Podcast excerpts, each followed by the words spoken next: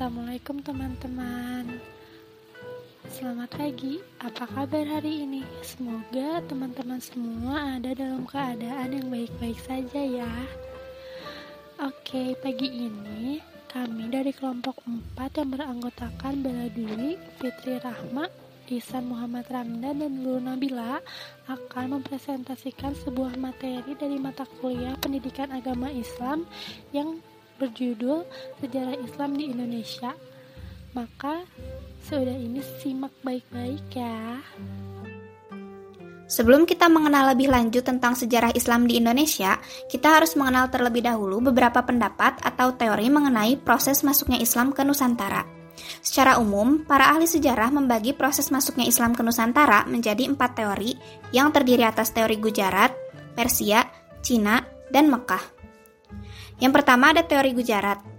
Teori ini beranggapan bahwa agama dan kebudayaan Islam dibawa oleh para pedagang dari daerah Gujarat India yang berlayar melewati Selat Malaka sekitar abad ke-13 melalui kontak para pedagang dan kerajaan Samudra Pasai yang saat itu menguasai Selat Malaka. Teori ini juga diperkuat dengan adanya penemuan makam Sultan Samudra Pasai, yaitu Malik Asaleh pada tahun 1297 yang bercorak Gujarat. Yang kedua ada teori Persia. Teori ini tercetus karena pada awal masuknya Islam ke Nusantara di abad ke-13, ajaran yang marak saat itu adalah ajaran Syiah yang berasal dari Persia. Persia sendiri adalah sebuah kerajaan yang saat ini berkemungkinan besar ada di Iran. Selain itu, adanya beberapa kesamaan tradisi Indonesia dengan Persia dianggap sebagai salah satu penguatnya.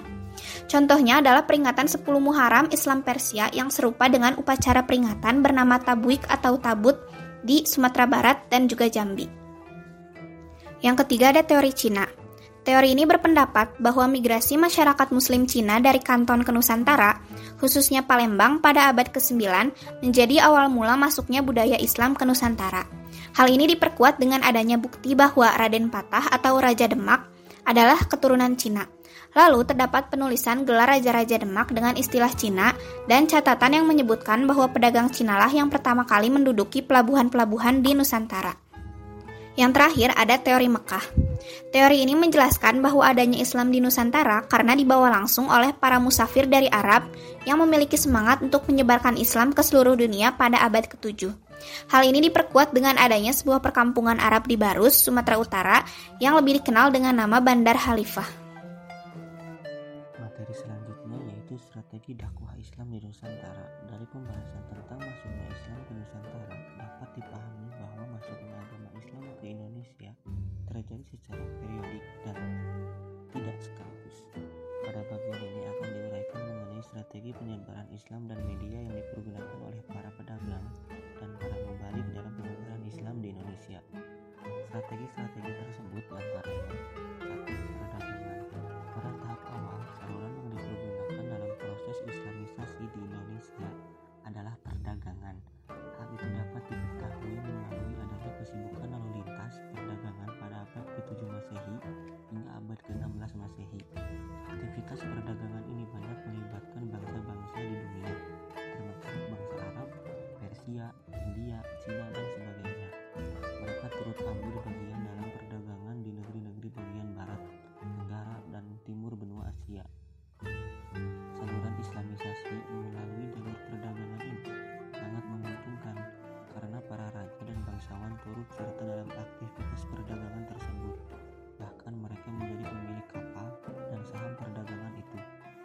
sejarah ini dapat diketahui berdasarkan data dan informasi penting yang dicatat oleh Tom Pairas bahwa para pedagang muslim banyak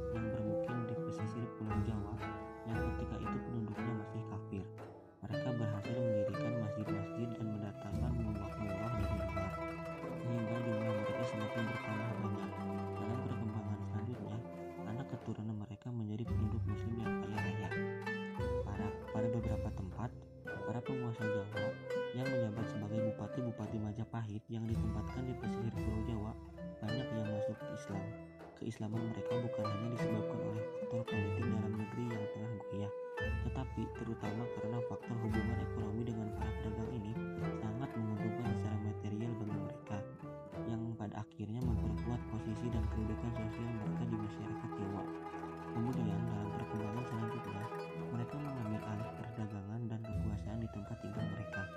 Hubungan perdagangan ini dimanfaatkan oleh para pedagang muslim sebagai sarana atau media dakwah sebab Islam setiap muslim memiliki kewajiban untuk menyebar ajaran Islam kepada siapa saja dengan tanpa paksaan.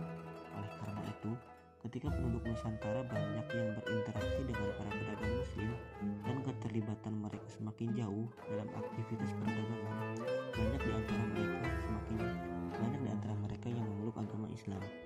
Karena pada saat itu, jalur-jalur strategis perdagangan internasional hampir sebagian besar dikuasai oleh para pedagang muslim. Apabila para penguasa lokal di Indonesia ingin terlibat jauh dengan perdagangan internasional, maka mereka harus berperan aktif dalam perdagangan internasional dan harus sering berinteraksi dengan para pedagang muslim. Strategi selanjutnya yaitu perkawinan. Dari aspek ekonomi, para pedagang muslim memiliki status sosial ekonomi yang lebih baik daripada menyebabkan banyak penduduk pribumi, terutama para wanita, yang tertarik untuk menjadi istri-istri para pedagang muslim. Hanya saja, ada ketentuan hukum Islam bahwa para wanita yang akan menikahi harus diislamkan terlebih dahulu. Para wanita dan keluarga mereka tidak merasa keberatan karena proses pengislaman hanya mengucapkan dua kalimat syahadat tanpa upacara atau ritual rumit lainnya. Setelah itu, mereka menjadi komunitas muslim di lingkungannya sendiri. Keislaman mereka menempatkan diri dan keluarganya berada dalam status sosial dan ekonomi yang cukup tinggi, sebab mereka menjadi muslim Indonesia yang kaya dan berstatus sosial terhormat. Kemudian, setelah mereka memiliki keturunan, lingkungan mereka semakin luas. Akhirnya timbul kampung-kampung dan pusat-pusat kekuasaan Islam. Dalam perkembangan berikutnya, ada pula para wanita muslim yang dikawini oleh keturunan bangsawan lokal. Hanya saja, tersebut harus diislamkan terlebih dahulu. Dengan demikian, mereka menjadi keluarga muslim dengan status sosial ekonomi dan posisi politik penting di masyarakat. Jalur perkawinan ini lebih menguntungkan lagi apabila terjadi antara saudara muslim dengan anak bangsawan atau anak raja atau anak adipati. Karena raja, adipati atau bangsawan itu memiliki posisi penting dalam masyarakatnya sehingga mempercepat proses islamisasi. Yang dapat dikemukakan, dikemukakan di sini adalah perkawinan antara Raden Ahmad atau Sunan Ampel dengan Nyai Manila, antara Sunan Gunung Jati dengan Putri Kaunanten, Brawijaya dengan Putri Campa, orang tua Raden Patah, Raja Kerajaan Islam Demak, dan lain-lain. Strategi selanjutnya yaitu pendidikan. Proses islamisasi Indonesia juga dilakukan melalui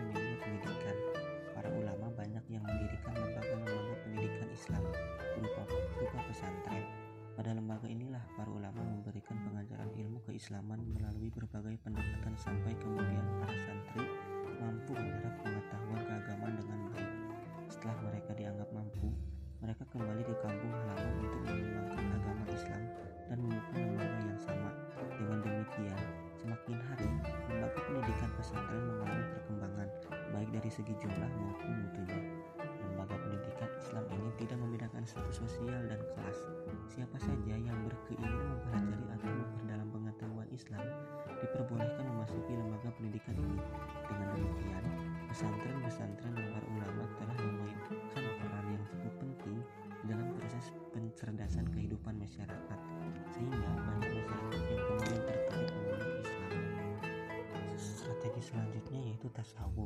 Satu sifat khas dari ajaran ini adalah akomodasi terhadap budaya lokal, sehingga menyebabkan banyak masyarakat Indonesia yang tertarik menerima ajaran tersebut. Pada umumnya, para pengajar tasawuf atau para sufi adalah guru-guru pengembara dengan sukarela mereka menghayati kemiskinan, juga sering kali berhubungan dengan perdagangan. Mereka mengajarkan teosofi yang telah bercampur dengan ajaran Islam yang sudah dikenal luas masyarakat Indonesia. Mereka mahir dalam hal magis dan memiliki kekuatan menyembuhkan. Di antara mereka, ada juga yang menikahi gadis-gadis para bangsawan setempat. Dengan tasyawuf, bentuk Islam yang diajarkan kepada para penduduk pribumi mempunyai persamaan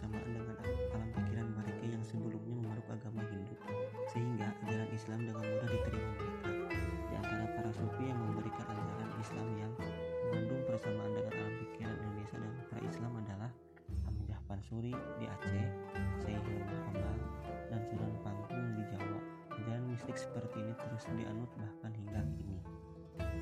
Strategi selanjutnya yaitu melalui kesenian. Saluran Islamisasi melalui kesenian yang paling terkenal adalah melalui pertunjukan wayang. Seperti diketahui bahwa Sunan Kalijaga adalah tokoh yang paling mahir dalam mementaskan wayang. Ia tidak pernah meminta upah materi dalam pertunjukan yang dilakukannya. Sunan Kalijaga hanya meminta kepada para penonton untuk mengikuti mengucapkan dua kalimat syahadat. Sebagian besar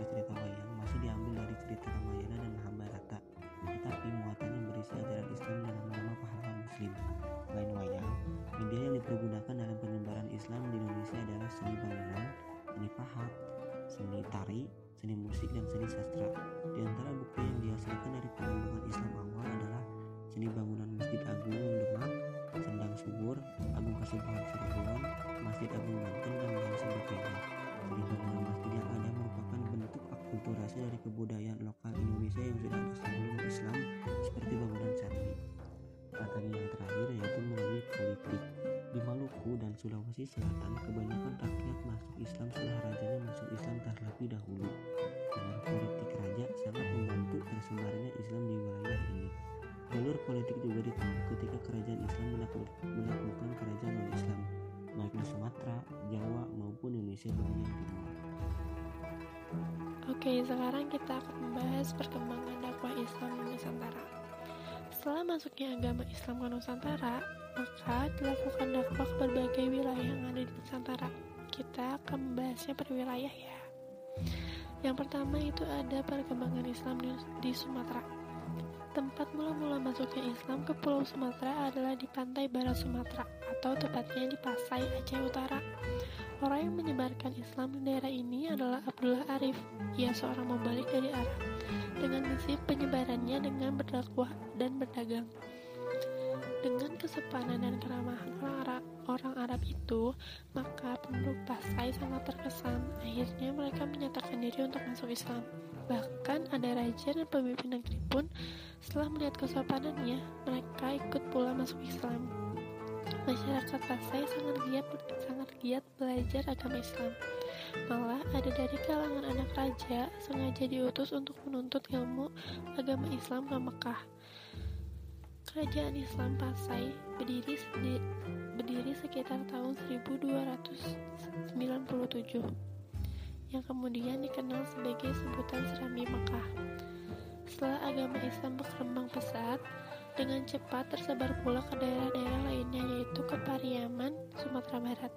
Islam datang ke Pariaman dari Pasai melalui pantai barat Sumatera. Ulama yang terkenal membawa Islam ke Pariaman adalah Syekh Buhar Buhanuddin. Penyiaran agama Islam dilakukan secara pelan-pelan dan bertahap pertamanya, sebab ada di Sumatera Barat sangatlah kuat. Dengan arif dan bijaksana, para membalik dapat menyesuaikan dan memberikan pengertian pada masyarakat, dan akhirnya masyarakat Sumatera Barat dapat menerima agama Islam dengan baik. Sebagai buktinya, bahwa agama Islam diterima oleh masyarakat Sumatera Barat adalah dengan kerelaan dan kesadaran adalah dengan istilah yang menyatakan adat bersendi syura, syara bersendi kitabullah. Jadi, adat istiadat yang dipegang teguh oleh masyarakat Sumatera Barat adalah adat yang bersendikan Islam. Artinya, Islam menjadi adat dasar. Sekitar tahun 1440, agama Islam masuk ke, ke Sumatera Selatan. Mubalik yang paling berjasa membawa Islam ke Sumatera Selatan adalah Raden Rahmat atau bisa kita sebut Sunan Ampel. Arya Damar yang kemudian terkenal dengan nama Arya Dilah atau Abdillah adalah Bupati Majapahit di Palembang waktu itu. Kemudian Raden Rahmat atau Sunan Ampel memberikan saran kepada Abdillah agar bersedia menyebarkan agama Islam di Sumatera Selatan. Atas rahmat yang ditunjukkan oleh Allah Subhanahu wa taala, saran Raden, Rahmat tersebut dilaksanakan oleh Arya.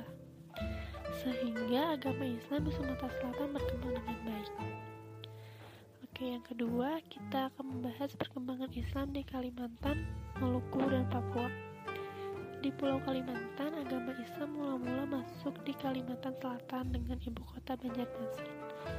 Pembawa agama Islam ke Kalimantan Selatan ini adalah para pedagang bangsa Arab dan, dan para mubalik dari Pulau Jawa.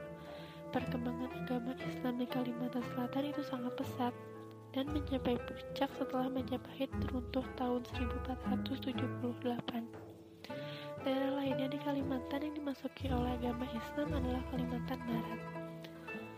Islam masuk ke Kalimantan Barat mula-mulanya di daerah Muara Sambas dan Sukadana. Dari dua daerah inilah baru tersebar ke seluruh Kalimantan Barat. Pembawa agama Islam ke daerah Kalimantan Barat adalah para pedagang dari Johor atau Malaysia, serta ulama dan mubalik dari Palembang, Sumatera Selatan. Sultan Islam yang pertama tahun 1591 di Kalimantan Barat berkedudukan di Sukadana yaitu di Panembahan Giri Kusuma. Penyebaran Islam di Kalimantan Timur terutama di Kutai dilakukan oleh Dato Ri, Bandang, dan Tuang Tunggang melalui jalur perdagangan juga. Kemudian setelah abad ke-15 antara tahun 1400 1400 sampai 1500-an, Islam telah masuk dan berkembang di Maluku. Pedagang yang beragama Islam dan para ulama atau mubalik banyak yang datang ke Maluku sambil menyiarkan agama Islam. Daerah-daerah yang mula-mula dimasuki Islam di Maluku adalah Ternate, Tidore, Bakau, dan Jailolo. Raja-raja yang memerintah di daerah tersebut pada saat itu berasal dari satu keturunan yang semuanya menyokong perkembangan Islam di Maluku. Perkembangan agama Islam di Papua berjalan agak lambat. Islam masuk ke Irian, terutama karena pengaruh raja-raja Maluku para pedagang yang beragama Islam dan ulama atau mubalik dari Maluku. Daerah-daerah yang mula-mula dimasuki Islam di Papua adalah Bisol, Salawati, Pulau Wayoge, dan Pulau Gebi. Selanjutnya kita membahas perkembangan Islam di Sulawesi.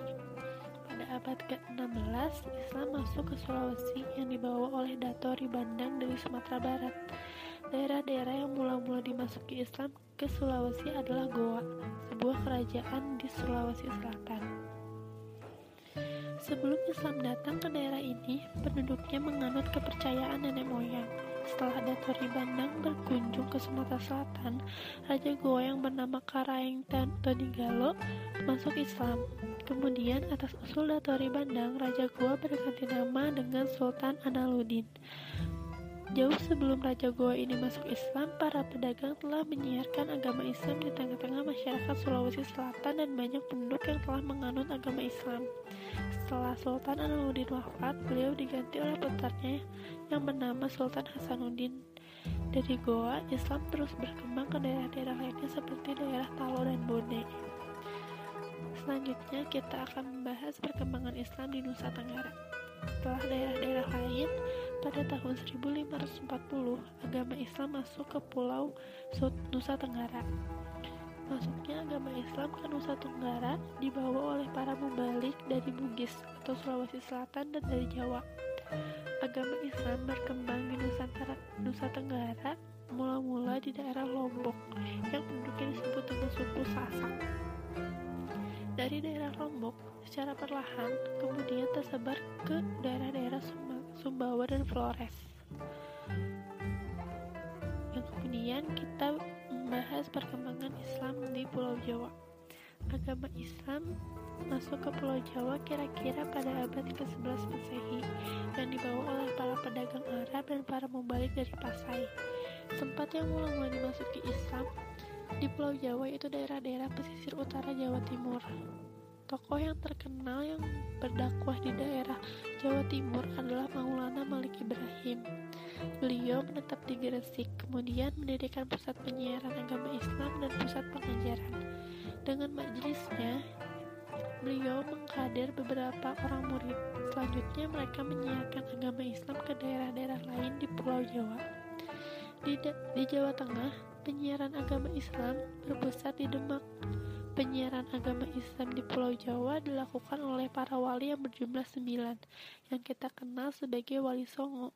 Kemudian, murid-murid Wali Songo turut pula menyiarkan agama Islam di Pulau Jawa sehingga agama Islam berkembang dengan pesat.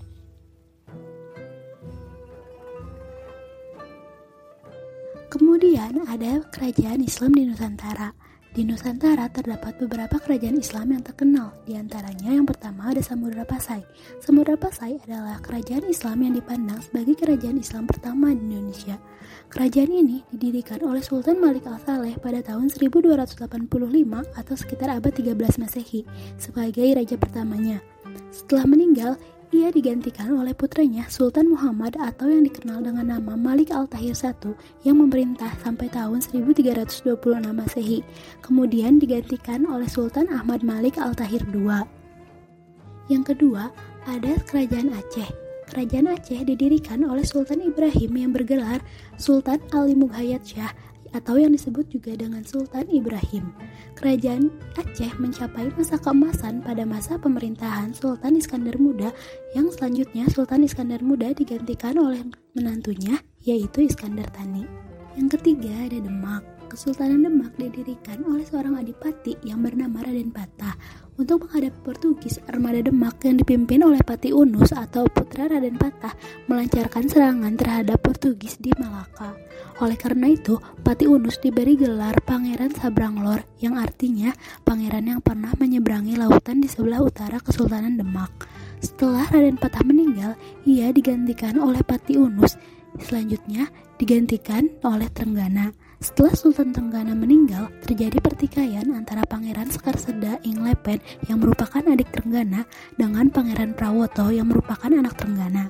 Pangeran Prawoto berhasil membunuh Pangeran Sekar. Tetapi kemudian Pangeran Prawoto dibunuh oleh Arya Penangsang yang merupakan anak Pangeran Sekar. Arya Penangsang kemudian menjadi Sultan Demak keempat. Pada masa pemerintahan, Arya Penangsang dipenuhi dengan kekacauan karena banyak orang yang tidak suka dengannya, hingga pada akhirnya seorang adipati bernama Adi Wijaya atau Jaka Tingkir atau Mas Karebet berhasil membunuhnya. Setelah kematian Arya Penangsang, kerajaan Demak berpindah ke tangan Jaka Tingkir. Yang keempat adalah Pajang. Pendiri Kesultanan Pajang adalah Adi Wijaya. Setelah Sultan Adi Wijaya meninggal, seharusnya Pangeran Bendawa menduduki tahta Pajang. Akan tetapi ia disingkirkan oleh Arya Pangiri, putra Pangeran Prawata. Tindakannya ini menimbulkan upaya-upaya perlawanan yang kemudian dimanfaatkan oleh Pangeran Benawa untuk merebut kembali tahta Pajang. Karena itu, ia menjalin kerjasama dengan Mataram yang dipimpin oleh Sutawijaya. Setelah area Pangiri dapat dikalahkan, Pangeran Benawa menyerahkan kekuasaan pada Sutawijaya. Selanjutnya, Sutawijaya memindahkan Pajang ke Mataram sehingga berakhirlah kekuasaan Pajang. Yang kelima, Mataram Islam. Mataram merupakan hadiah dari Adi Wijaya kepada Ki Ageng Pemanahan karena ia telah berjasa membantu Adi Wijaya menaklukkan area Penangsang. Ketika Ki Ageng Pemanahan meninggal, Mataram dipegang oleh putranya Sutawijaya yang diangkat menjadi Adipati Mataram dan diberi gelar Senopati Ing Alogo Sayyidin Panatagama yang berarti Panglima Perang dan Pembela Agama. Sepeninggal Senopati, tampuk kekuasaan dipegang oleh putranya yaitu Mas Jolang. Tetapi Mas Jolang meninggal sebelum berhasil memadamkan banyak pemberontakan, sehingga penggantinya adalah Raden Rangsang atau yang dikenal dengan Sultan Agung. Pada masa pemerintahan Sultan Agung, Mataram mencapai masa kejayaannya. Akan tetapi, Mataram mulai mengalami kemunduran ketika masa pemerintahan pengganti Sultan Agung. Kemunduran Mataram lebih utama karena aneksasi yang dilakukan oleh Belanda. Setelah terjadinya perjanjian Gianti, kerajaan Mataram dipecah menjadi dua bagian, kerajaan Surakarta dan kerajaan Yogyakarta. Lebih dari itu, dengan adanya perjanjian Salatiga, kerajaan Surakarta terpecah lagi menjadi dua, yaitu Mangkunagara, dan Pakualaman atau Kasunanan. Yang keenam ada Kesultanan Cirebon. Kesultanan Cirebon didirikan oleh Syarif Hidayatullah atau Sunan Gunung Jati.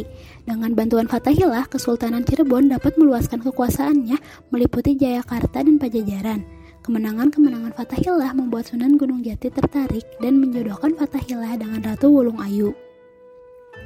Ketika Sunan Gunung Jati menua, Kesultanan Cirebon diserahkan kepada putranya Pangeran Muhammad Arifin atau dengan gelar Pangeran Pasarean. Sepeninggal Pangeran Pasarean, kedudukan Sultan diserahkan kepada Pangeran Sebangking atau yang bergelar Sultan Maulana Hasanuddin. Pada abad ke-17 terjadi perselisihan dalam keluarga, sehingga Kesultanan Cirebon pecah menjadi dua, yaitu Kasepuhan dan Kanoman. Yang ketujuh ada Banten. Daerah Banten diislamkan oleh Sunan Gunung Jati. Pemerintahan dipegang oleh Sultan Maulana Hasanuddin. Setelah Sultan Hasanuddin meninggal, ia digantikan oleh putranya Maulana Yusuf. Kesultanan Banten mencapai masa keemasan pada masa Sultan Agung Tirtayasa dan akhir pemerintahan Sultan Agung Tirtayasa ditandai dengan persangkataan dengan putranya yaitu Sultan Haji yang bersekongkol dengan Belanda. Yang kedelapan ada Makassar. Pada abad ke-16 di Sulawesi Selatan terdapat dua kerajaan yaitu Goa dan Talo. Kedua kerajaan ini bersatu dengan nama Goa Talo Makassar dengan ibu kota di Somba Opu dan dikenal sebagai kerajaan Islam pertama di Sulawesi bertindak sebagai rajanya adalah Raja Goa, Daeng Manrabia dengan gelar Sultan Alauddin dan sebagai Mangkubumi atau Perdana Menteri adalah Raja Talo. Karaeng Matolaya yang bergelar Sultan Abdullah yang pada masa pemerintahannya adalah puncak kejayaan Makassar. Yang kesembilan ada Ternate dan Tidore. Kerajaan Ternate berdiri kira-kira pada abad ke-13. Ternate mencapai puncak kejayaan pada masa pemerintahan Sultan Ba'abullah. Sedangkan raja yang terkenal dari Tidore adalah Sultan Nuku.